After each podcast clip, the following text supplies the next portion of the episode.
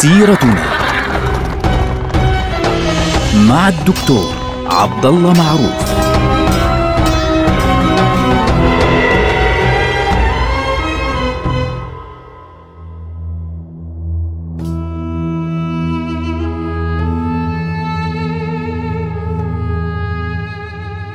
السلام عليكم ورحمة الله وبركاته.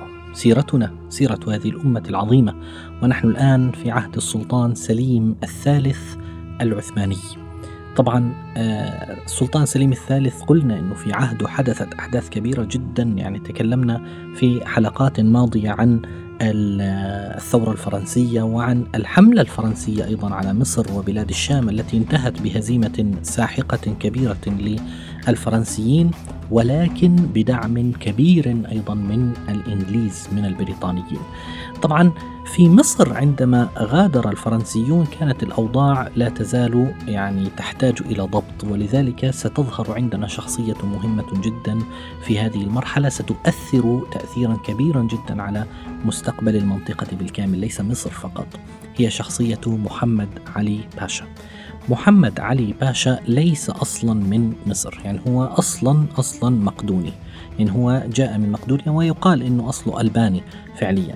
يعني آه ولد في منطقة مقدونيا وذلك في عام 1769 آه، للميلاد الموافق 1182 للهجرة. يعني هو ولد في عهد السلطان آه، مصطفى الثالث. اللي هو اللي جاء قبل السلطان عبد الحميد الأول الذي كان قبل السلطان سليم الثالث. هذا الرجل توفي والده آه، في صغره فرباه عمه فعليا. وكان يعمل في التجارة. يعني كان يعمل في تجارة الدخان كما تذكر بعض الروايات فعليا.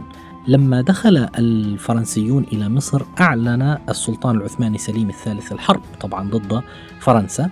وأرسل جيشين جيش باتجاه الشام جيش بري باتجاه الشام وكان هناك جيش بحري خرج من جزيرة رودس باتجاه منطقة خليج أبو قير. وكان هذا الجيش على الأرجح هو الجيش البحري كان فيه محمد علي. كان موجودا في ذلك الوقت ودخل إلى منطقة أبو قير. وشهد الحادثة الكبيرة اللي هي معركة أبو قير الثانية مش معركة أبو قير الأولى طبعا التي ذكرناها في حلقة الماضية التي كانت بين الإنجليز والفرنسيين التي كانت في بداية وصول نابليون بونابرت. لا لا نحن نتكلم عن الواقعة الثانية التي انتصر فيها الفرنسيون على جيش العثمانيين عندما وصل إلى منطقة أبو قير وتسمى واقعة أبو قير البرية أو معركة أبو قير البرية. طبعا آه بعد أن خرج الفرنسيون من مصر بقي آه العثمانيون ومعهم محمد علي طبعا كان موجودين وبقوا في فرنسا. والذي آه عين واليا في ذلك الوقت بعد أن خرج الفرنسيون كان رجل اسمه خسرو باشا. عين واليا من قبل السلطان سليم الثالث على مصر. فخسرو باشا عين محمد علي باشا برتبة سيرجشمة يعني هذا قائد فرقة. يعني قائد فرقة عسكرية يعني رجل عسكري فعليا. وهذا الرجل أحبه جنده فعليا. عنده تحت يده أربعة آلاف جندي مقاتل. وبالتالي كان يتقرب من جنده ويقربهم منه بشكل كبير جدا حتى كانت علاقته معهم مميزة جدا ومحبوبا جدا عندهم كان. فبالتالي في مرحلة معينة وقع الخلاف بينه وبين الوالي. اللي هو خسرو باشا. طبعا آه، خسرو باشا عنده مشاكله الخاصة مع محمد علي. كان يعتبر أن محمد علي يحاول أن يشكل لنفسه جيشا خاصا لا يتبع الإمارة أو الدولة العثمانية. وهذا الأمر كان فعليا يعني يؤشر إن صح التعبير بنية محمد علي الانفصال عن الدولة العثمانية. وهذا الأمر جعل العلاقة بينه وبين خسرو باشا الوالي العثماني علاقة سيئة جدا. طبعا الوالي خسرو باشا حاول أن يتخلص من محمد علي لكن محمد علي كان أقدر منه على ضبط الأمور. ف أوعز إلى الجند بأن يثيروا الشغب ضد الوالي الجديد وفعلا طرد الوالي من القاهرة لأنه اتهم بعدم دفع المرتبات فعليا. وبعد ذلك الأهالي في مصر يعني عبين ما يجيهم حتى يأتيهم يعني وال جديد عينوا آه، رجلا آخر اسمه طاهر باشا واليا مؤقتا. لكن طاهر باشا قام ضده الانكشارية من الجيش الانكشارية اللي هم الفرق الخاصة فعليا آه، وقتلوه. يعني شيء كان عجيب. طبعا الانكشارية أرادوا أن ينصبوا رجلا آخر من العثمانيين اسمه أحمد باشا على مصر وكان قد أتى إلى مصر في ذلك الوقت متوجها إلى الحجاز لكن محمد علي باشا لم يقبل بهذا الأمر وبالتالي كاتب الأمراء فعليا آه، المختلفين في الجيش ووجد أن آه، يعني العدد الذي جاءه والذي كاتبه طبعا ووصله عداد من الجند وجد أن هذا العدد كاف لمحاربة الانكشارية. فحاصر أحمد باشا في منزله هذا الذي يعني أتوا به ليكون واليا على مصر مؤقتا طبعا حتى يعين شخص آخر بدل خسرو باشا. وألزم آه، محمد علي باشا أحمد باشا الخروج من مصر تماما ثم سلط جنده على الانكشارية فحاربوهم في داخل مصر في داخل القاهرة وقتل عدد كبير منهم وفر الباقون. وبالتالي لم يبقى أحد يعني أمام محمد علي في مصر نهائيا. وبعد ذلك تحرك هو وأحد قادته اللي هو البرديسي اسمه تحركوا باتجاه دمياط لمحاربة خسرو باشا. خسرو باشا كان بعد أن أخرج من مصر على يد محمد علي كان قد تحصن في منطقة دمياط فحاربوه وأسروه في آه، يوم الرابع من شهر يوليو اللي هو شهر سبعة من عام 1803 الموافق للرابع عشر من ربيع الأول من عام 1218 وعاد محمد علي وقائده عثمان بيك البرديسي بخسرو باشا إلى القاهرة وسجنه في القلعة.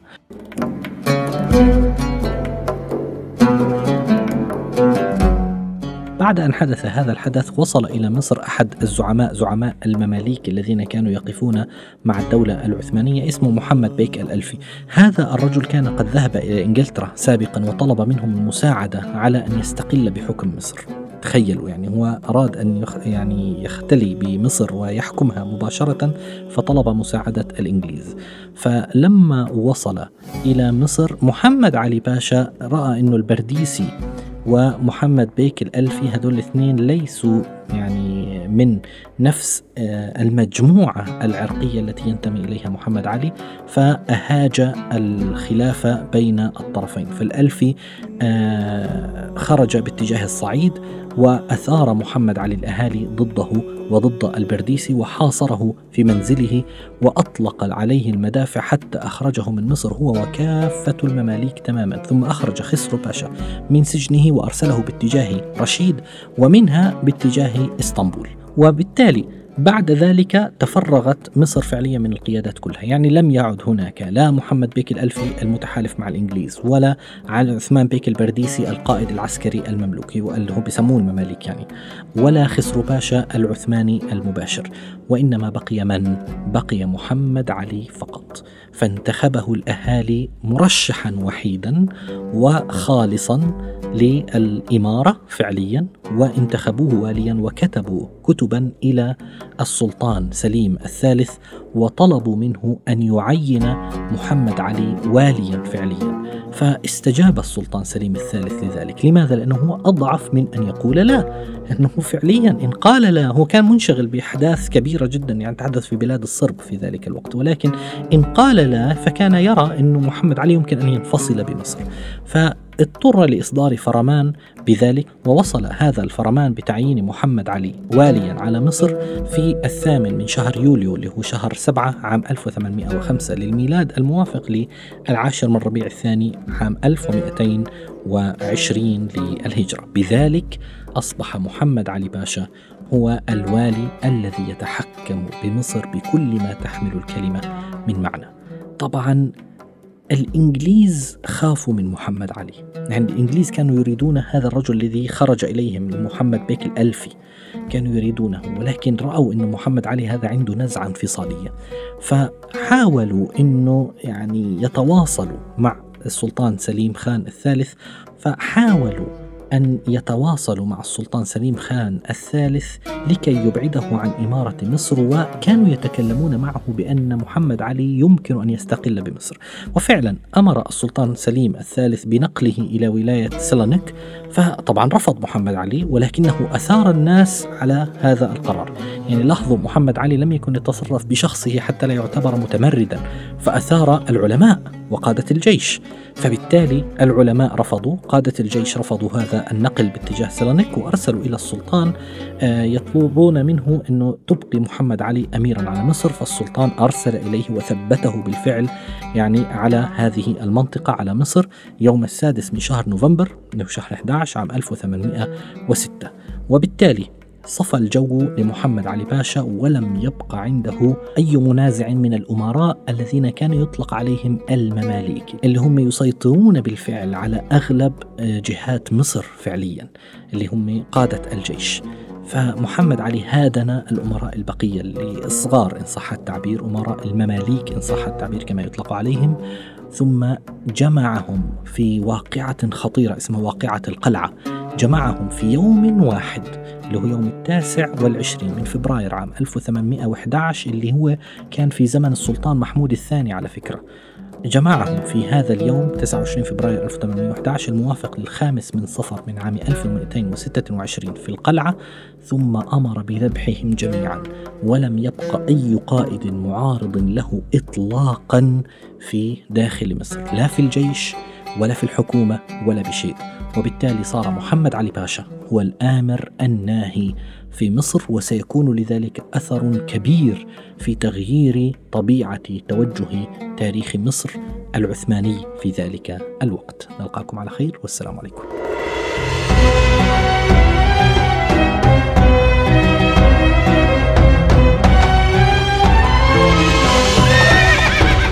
سيرتنا. مع الدكتور عبد الله معروف.